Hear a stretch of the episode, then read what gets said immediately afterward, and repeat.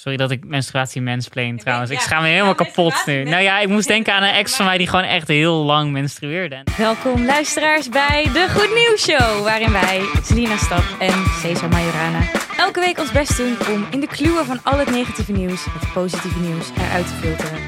En deze week hebben we het over meer studenten volgen door het Irma-effect, opleiding tot gebarentolk. Brooklyn Park wordt vernoemd naar Marsha P. Johnson. Afrika heeft polio verslagen dankzij Bill Gates. India's cricketteam doorbreekt taboe rondom maandverband. En Australië introduceert een donatiedollar. En de aarde wordt niet geraakt door een asteroïde. Ik vind het toch jammer, Selina. Maar goed, ik vertel er straks meer over. Oké, maar Cesar, voordat jij mij meer vertelt over de asteroïde die de aarde net niet heeft geraakt. ehm, wat was er positief aan jouw week? Dat die asteroïde ons niet geraakt heeft, sowieso. Maar ook, ehm, ik heb een te gekke baan. Ik mag televisieprogramma's presenteren. Ik mag ze zelf bedenken.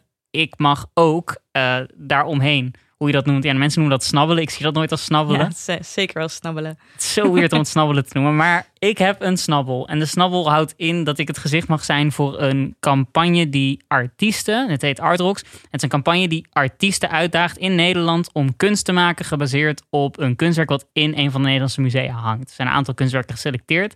En aan mij de eer om zoveel mogelijk artiesten op te roepen dat te doen. Zoals ik nu hier in de podcast stiekem doe. Oh, je hebt geen reclame te maken.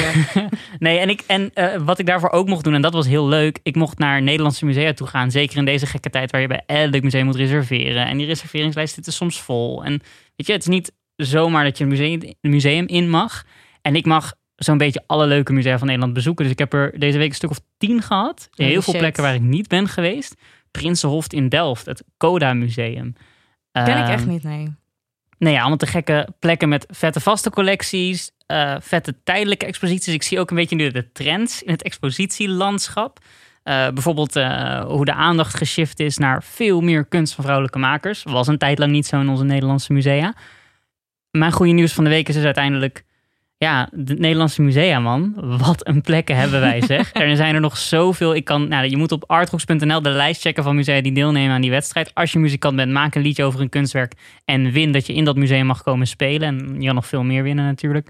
Ehm, maar het belangrijkste, ja, die musea in Nederland. Als er eentje is waar je over twijfelt om te gaan, Selina, Nou, ga er naartoe. Eh, ik kan je een aantal tips geven, maar ik was bijvoorbeeld weggeblazen door het Mesdagpanorama in Den Haag van de Schilder Mesdag.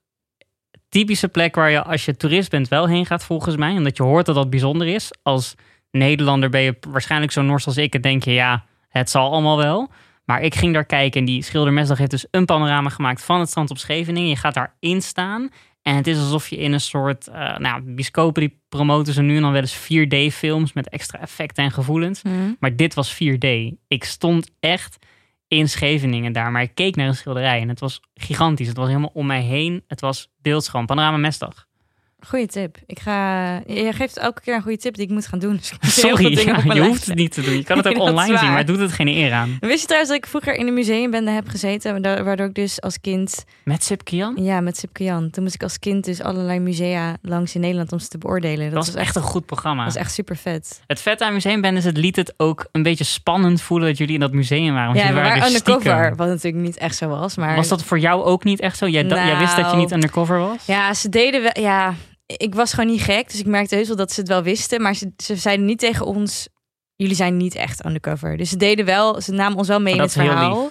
Ehm, maar ja, je wist, we wisten wel beter, denk ik. Maar het was heel leuk, dus ik ben dol op musea. En, en, oké, laatste vraag dan. Maar muse- ik vind het zo spannend, museumbende. Mocht je dan ook die graffiti aan het einde met die sterren op de Ja, muur? er werd altijd één iemand voor uitgekozen, maar ik had het twee keer gedaan en toen was het, had ik het niet goed gedaan, want dan had ik het te dichtbij gedaan, waardoor die sterren zo gingen druipen. En je hebt dat laatste shot dat je zo ziet hoeveel sterren te kregen. En dat je elke keer weer als ik was geweest, zo Natte ster. Dus ik mocht het op een gegeven moment niet meer doen. Maar het was wel een leuke, leuke ervaring. Oh, wauw. Ja. Wat is jouw goede nieuws van de week? Ehm, nou, mijn goede nieuws, of wat ik positief was aan mijn week, is nou eigenlijk... Ik heb dus gisteren een massage voor mezelf ingepland bij een spa, soort van. In deze tijden. Ja, Ben je niet bang? Want iemand ademt wel dicht bij je hoofd, zou ik zeggen. mijn hoofd zit toch in een, in een bank naar beneden en iemand zit boven mij. Ik zit in, in dat gat. En jij denkt dan, als de ruimte genoeg geventileerd wordt, dan hoef ik niet andermans Nou ja, weet je, ik sta op veel meer plekken niet uh, anderhalve meter van andere mensen. Dus voor de massage maak ik me niet zo druk om. Je bent eigenlijk een soort Fred Grapperhaus van deze podcast. Ik heb skitta, ik ben Fred. Even tussendoor, maar hoe die man wordt aangevallen. Ja, maar kijk, really, ik snap, ik snap de vibe wel, man. Ik snap echt wel dat mensen er compleet overvallen als je, als je minister bent en zo hamert op die anderhalve meter en zelf YOLO het geldt niet voor mij. Ja, natuurlijk, zeker, daar mag je overvallen. Maar fuck hem niet op, zeg maar, fuck hem op andere, veel politiekere manieren dan een story in de privé. Ja, maar ze, ze, hebben toch allemaal nu grappen erover in de speld en je ziet allemaal memes erover. Ja, dat vind ik op zich best grappig. ja, ja, iedereen heeft recht. Als politicus heb je altijd recht op je vernedering. Dat hoort er wel echt bij. Ja, dat is mooi gezegd.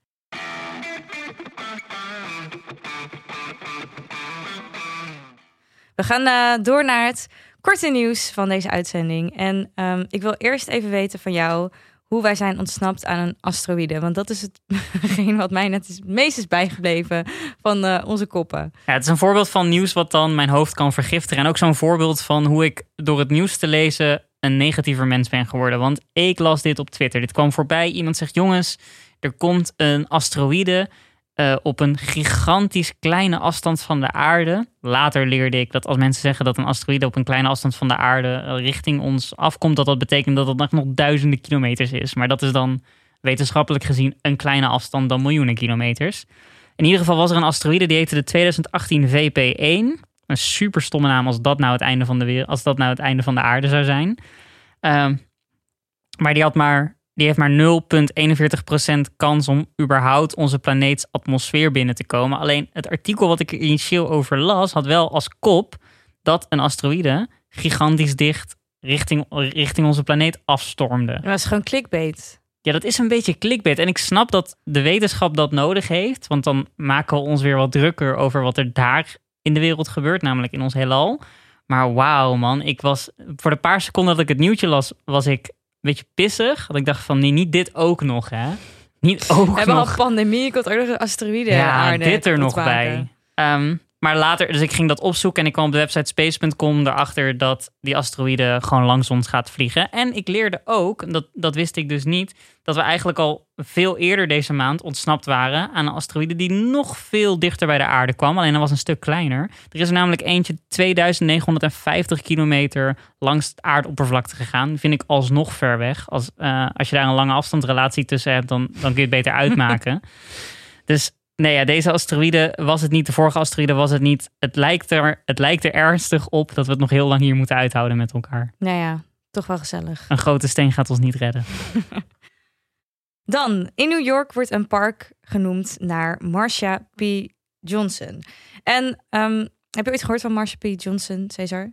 Ja, altijd als je dit vraagt, dan moet, ik je me nee zeggen. voelen. Ja, nee. Ja, terwijl van deze had ik misschien wel verwacht dat je het zou weten. Want uh, zij is echt uh, een van de bekendste voorvechters van de LHBTQ-rechten. Um, ehm, ze is transvrouw, zwart. En eigenlijk in de jaren zestig is zij een van de eerste vrouwen die daar uh, ja, openlijk voor uitkwam. Die zich kleden als vrouw, voelde als vrouw.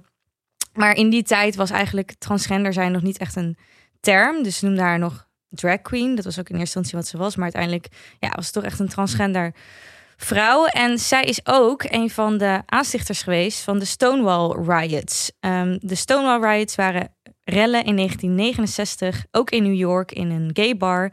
Um, om eigenlijk tegen de politie op te treden, die altijd ja, in die tijd nog gay bar binnenvielen om uh, mensen te intimideren of mensen zelfs ja, uh, in de cel op te sluiten voor een avondje. Alleen maar omdat ze die tijd natuurlijk nog gay bars um, ja, niet werden geaccepteerd zoals we dat nu kennen.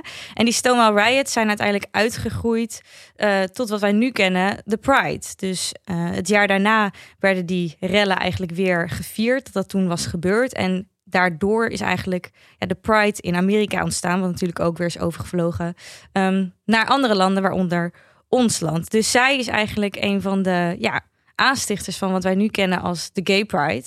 Um, en ik vind het heel vet dat er voor haar nu een park is vernoemd uh, ja, naar haar. En dat haar legacy voortleeft en dat we daaraan blijven denken. Ook omdat juist heel veel parken altijd genoemd zijn naar we hebben het Vondelpark. Dat, het zijn allemaal witte mannen van vroeger die, die ooit iets vet hebben, vets hebben gedaan. Joost van de Vondel of wie dan ook. En nu is gewoon een park vernoemd naar een zwarte transvrouw. Dat vind ik gewoon vet. Ja, en om, ik, ik vind het nu nog vetter, want ik zit te lezen over dit activisme. En hier zitten zoveel vette highlights bij. Ik bedoel, ja, mijn, we hebben het al gehad over mijn Wikipedia-pagina, die super sumier is, waar niks op staat. ik, ik mag hopen dat ik me ooit zo kan inzetten voor de wereld dat het dit kan zijn. Er is bijvoorbeeld hier één alinea die ik lees. gaat over de Star House, een shelter voor gay en trans jongeren in de jaren 70. Waarvan de huur werd betaald door onder andere dus deze Johnson, maar ook uh, partners van deze Johnson en die huur werd betaald met geld dat ze verdienden aan, aan sekswerk. Ja, Gewoon die vorm van je eigen economie ja. gaande houden. Je eigen vorm van overheidssteun creëren. Te gek. Ja, en, ik zie nu ook... Uh, ik zie nu ook dat dit hele jaar een beetje in het teken staat van Marsha P. Johnson. Ja, ze zou eigenlijk dit jaar 75 worden. Dus Ah. uh, daarom is ook dit park nu dit jaar naar haar vernoemd. Ze heeft helaas, deze leeftijd nooit kunnen bereiken. En dat komt omdat ze uiteindelijk uh, doodgevonden is in 1992 in de Hudson River. Um, toen werd gezegd dat is zelfmoord, maar uh, in die tijd waren ook al de geruchten dat ze vermoord was. Daar heeft toen de politie nooit onderzoek naar gedaan, wederom door het taboe wat op haar lag. Um, maar nu zijn eigenlijk weer heel veel LBTQ-activisten die zeggen van ja, die, die doodsoorzaak moet gewoon beter onderzocht worden, want zij is waarschijnlijk gewoon vermoord. Dus dat wordt ook weer opgepakt om toch te achterhalen van heeft ze zelfmoord gepleegd of is ze, is ze vermoord? Voorzichtig gezegd kun je dit inderdaad ontzettend goed nieuws noemen. Nou, vooral van het park is, uh, is goed nieuws. En laatste leuke feit, oké, okay, dit, dit vind ik dan wel ook echt spectaculair. TV-personality RuPaul noemt Johnson een inspiratie en de true drag mother. Ja, en als je niet weet wie RuPaul is, please zoek op Netflix. Het is het meest fantastische programma op aarde, RuPaul's Drag Race. Zeker, dus dat is ook nog een, uh, een mooie inspiratie.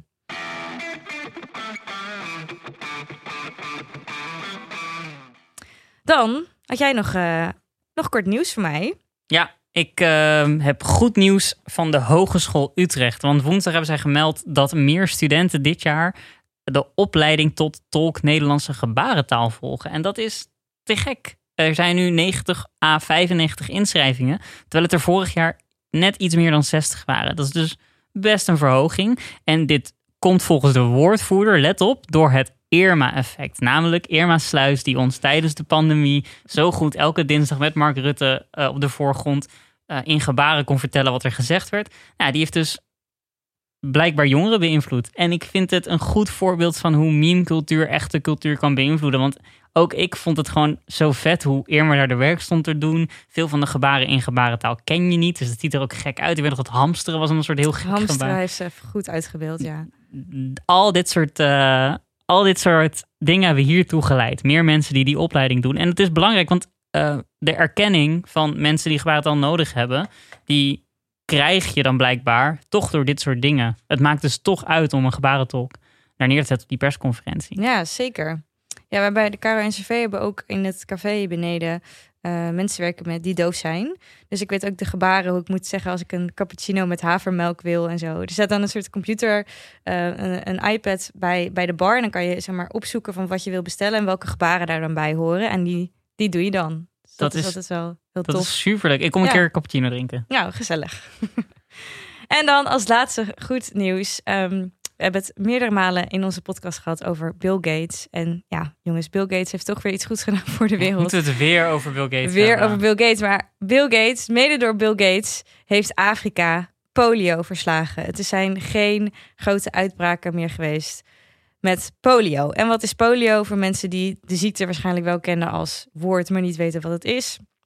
Het is een infectieziekte en uh, uh, een paar decennia geleden raakten er nog jaarlijks 75.000 kinderen besmet met polio in Afrika. En wat die ziekte doet, is een infectieziekte. Het wordt op mens op mens overgebracht. Sommige mensen, de meeste mensen worden er niet ziek van. Sommige mensen krijgen er griepverschijnselen van. Maar er zijn ook mensen die echt grote infecties aan bijvoorbeeld de hersenstam uh, krijgen, waardoor je of hersenvliesontsteking, waardoor je kan verlamd kan raken of helemaal kan overlijden. Dus dat polio wel, überhaupt nog op de wereld was, is een beetje gek of zo. Het voelt vanuit een west, westers perspectief voelt het als iets in de middeleeuwen. Dat in het, in het, in het, uh, in het Amsterdamse ziekenhuis zeker niet elke dag bang zijn dat er een poliopatiënt binnenkomt. Nou ja, dat kan nog steeds, hè? want er zijn nog steeds uh, mensen van de Bijbelbeeld die zich niet laten vaccineren tegen polio. En het polio is niet de wereld uit nu hierdoor. Afrika heeft het verslagen, als in er zijn geen grote uitbraken meer geweest. Maar bijvoorbeeld in Pakistan en in Afghanistan zijn die er nog wel. Dus mocht nou iemand met polio vanuit Afghanistan of Pakistan naar Nederland reizen en iemand tegenkomen die niet is ingeënt uh, uh, tegen polio, dan zouden alsnog mensen in Nederland dat kunnen krijgen. Dus het is nog niet helemaal de wereld uit. Maar in Afrika is in ieder geval mede door alle donaties voor betere vaccinaties vanuit Bill Gates, ja, is het verslagen. Dus het is. Het is polio verslagen. Ja. Wauw, dat is. Wauw. Bill Gates is een soort paradepaardje van ons aan het worden. En dan is dit nieuws. Het voelt zo gek om dit nieuws te delen dat het door hem komt. Komt het door hem? Het komt eigenlijk ja, hij heeft. Echt, echt miljoenen geïnvesteerd in onderzoek naar de ziekte en vaccinaties. En die vaccinaties uh, op een betaalbare manier uit te zetten, ook in, uh, in Afrika. Dus als hij dat niet had gedaan, dan was, was polio in Afrika nu nog steeds een groot probleem. Dat is wel echt. Ja, dat is, dat is gewoon zo. Ja, ik heb. Ja, ja, het is toch Bill Gates. het is toch, ik word gewoon een manier te vinden om het niet over Bill Gates te laten gaan. Maar het gaat grotendeels over Bill Gates. En het is ook veel geld wat hij erin heeft gepompt. Daarom.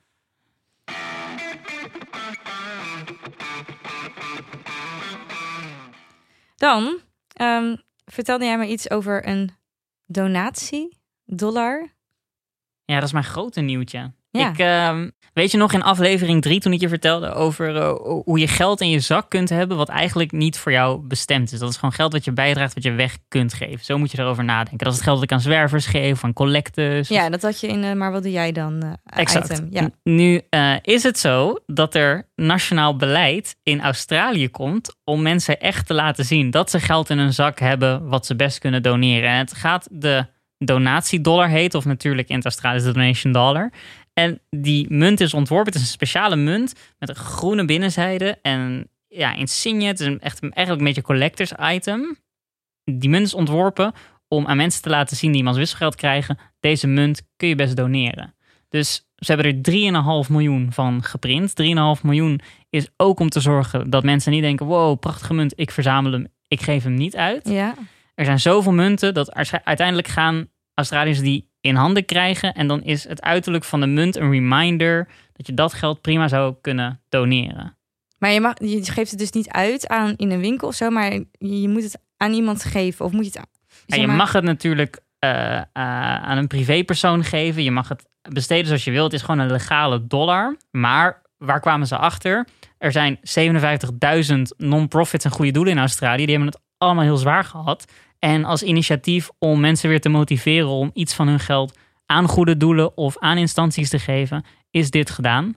Um, ja, wat er slim aan is, is dat er een onderzoek bij is gekomen. En dat onderzoek was een poll die aan gevraagd heeft aan een grote groep Australiërs of ze die euro zouden doneren als ze hem in hun wisselgeld kregen. En een meerderheid daarvan zei ja. En dat maakt dit echt een heel cool project. Hoe je zeg maar, het uiterlijk van het geld kan laten beslissen wat je ermee gaat doen. En dat je dan zo die munt ziet en je kan natuurlijk kun je er boodschappen mee doen. Maar van alle munten die je hebt kun je met al die munten boodschappen doen. En met die ene munt heb je de reminder om hem aan een goed doel te geven of aan een collectant.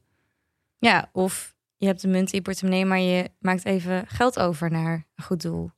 Dat kan ook, toch? Zeker. Dat je het is een reminder. Oh, ik krijg een, ik krijg een munt. Ik heb weer zo'n munt. Misschien moet ik weer eens even doneren. Want fysiek geld geven aan goede doelen, dat is natuurlijk wel misschien een beetje ik heb het deze week weer gedaan. Ze stonden bij Amsterdam Zuid stonden ze.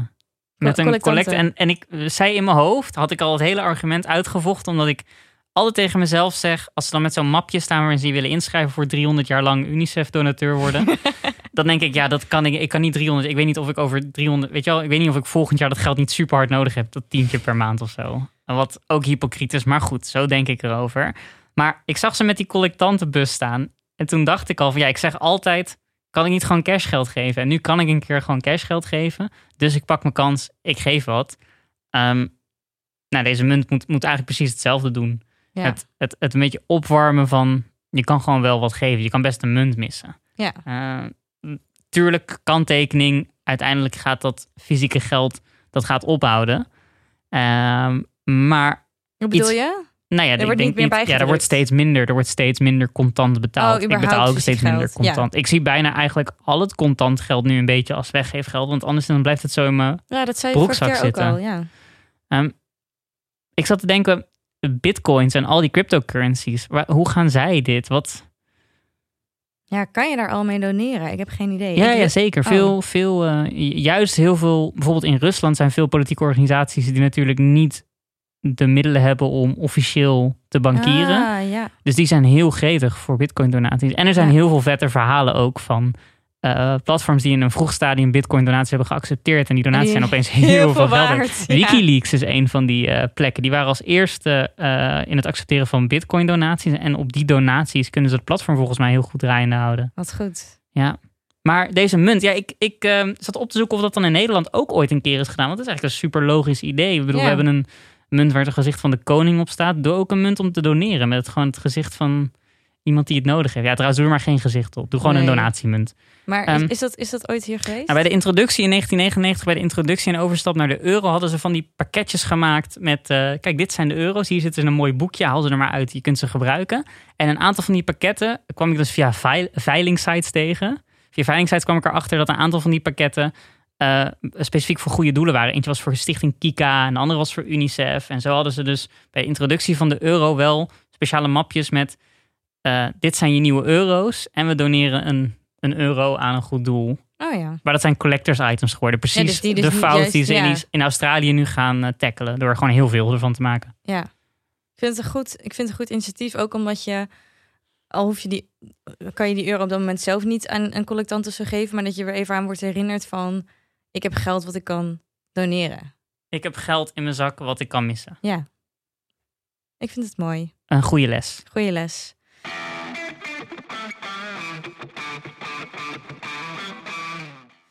Dan eh, mijn eh, grote nieuws voor jou. Ehm, ik lees de kop voor jou voor. En ik, ik moet, ik, dit wordt een lange uitleg waarom dit goed nieuws is. Maar het is echt super goed nieuws. Maar het is wel goed nieuws. Het is echt super goed nieuws. Oké. India's cricketteam doorbreekt taboe. Maandverband reclame op shirts.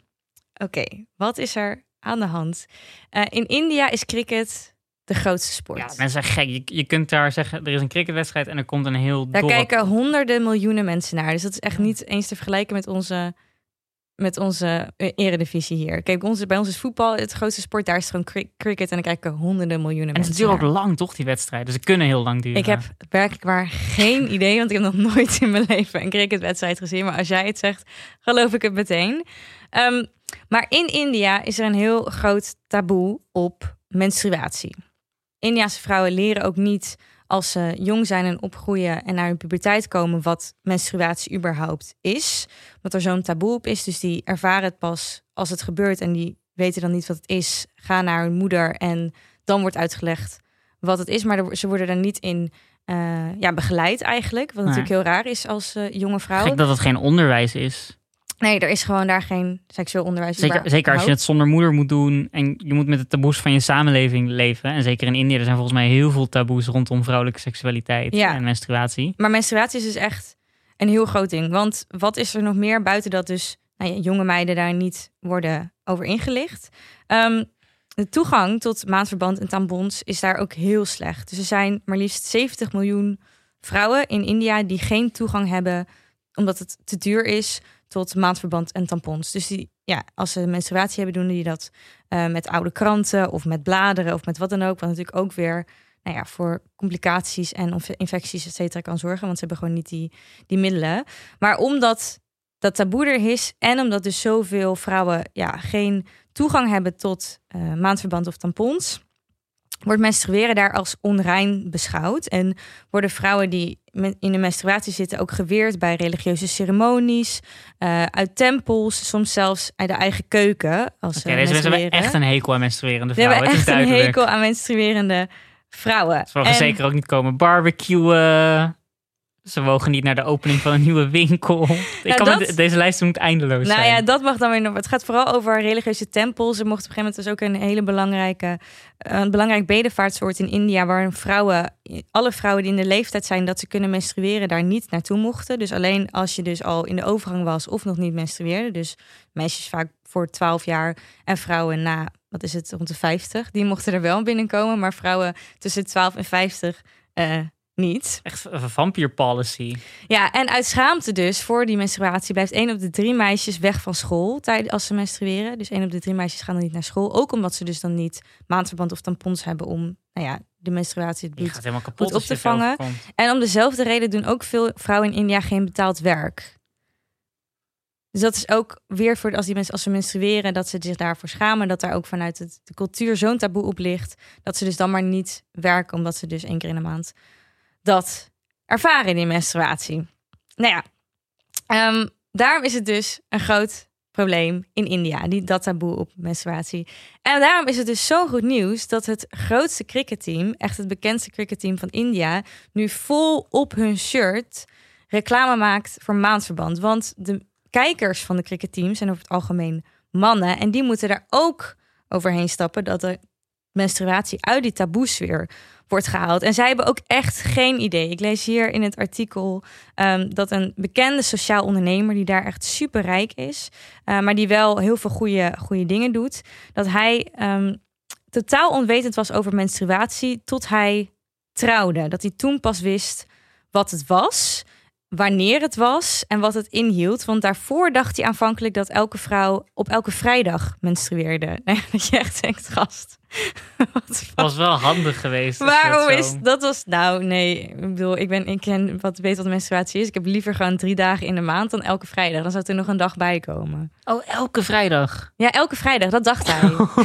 elke vrijdag dat soort van de menstruatiedag was in plaats van dat je gewoon, ja, wat is het drie vier dagen ongeveer menstrueert. Dus het Kan is, gewoon zeven dagen zijn, hè? Voor de heftige bloeders. ja, dat kan ook. Sorry dat ik menstruatie mensplain weet- trouwens. ja, schaam wat is jouw menstruatie. Nou ja, ik moest denken aan een ex van mij die gewoon echt heel lang menstrueerde. En dat, het is ook dat heel ik- verschillend. Dat Ik bedoel- wist ik niet van school. Dat dat gewoon, het kan soms tien dagen duren of zo. Ja, en sommige vrouwen kunnen zoveel pijn hebben dat je gewoon amper je bed uit kan of kan lopen. Of, ja, dus, dus dat is natuurlijk heel verschillend. Maar vooral dus dat taboe, wat trouwens ook nog heel veel landen nog steeds is. Hè? In, land, in heel veel islamitische landen.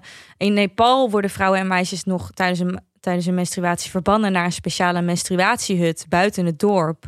Waar ze dan dagenlang alleen in moeten verblijven. ehm, totdat die menstruatie weer voorbij is. Wat natuurlijk ten eerste een soort van traumatisch is. En waardoor ze ook gevoeliger zijn voor seksueel geweld. Van mannen die dan weten, oké, er zit daar een vrouw alleen en ik kan daar, het is een makkelijke prooi voor mij. Oh.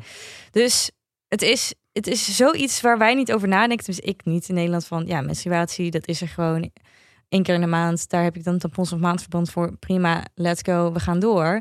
Maar dat dat dus in zoveel landen nog zo'n probleem is. En taboe. Dus dit nieuws, dat dat cricketteam daar promotie voor maakt op hun shirts. Honderden miljoenen mannen in India naar kijken, denk ik, yes, dit, dit gaat een goede kant op. Ja, man. Menstruatie. ook, ik zit nu het shirt op. Kijk, het is gewoon een hard shirt, man. Het is gewoon Ja. paars met roze. Ja, het is ook dat je denkt, let's go met kleuren.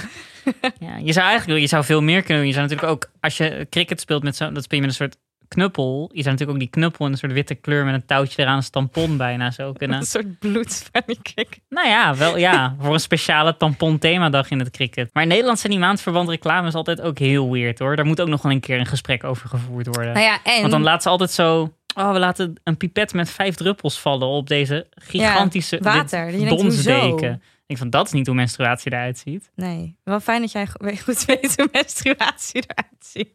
Let me tell you. Op onze Instagram vanaf deze week al mijn favoriete menstruatieplaatjes.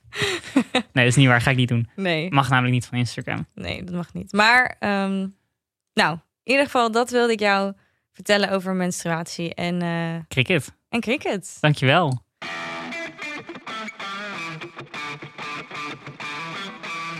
En dan nu voor, maar wat doe jij dan? Want we hebben het wel over goed nieuws, maar wat doen we zelf nou precies? Het is echt een soort sneer, hè? Maar wat doe jij dan? Nou, wat doe ik? Ik heb deze week eh, iemand geholpen. Eigenlijk sterker nog, ik heb het net gedaan voordat ik naar de podcast kwam. Selina, sorry dat ik een beetje laat was. Maar ik moest een vriend in nood helpen. Want er is een wijnhandel hier in Amsterdam op de Overtoom Wijnhuis West. Is een plek waar ik toen ik net in Amsterdam kwam wonen, toevallig een keer langs liep, wijn ging kopen.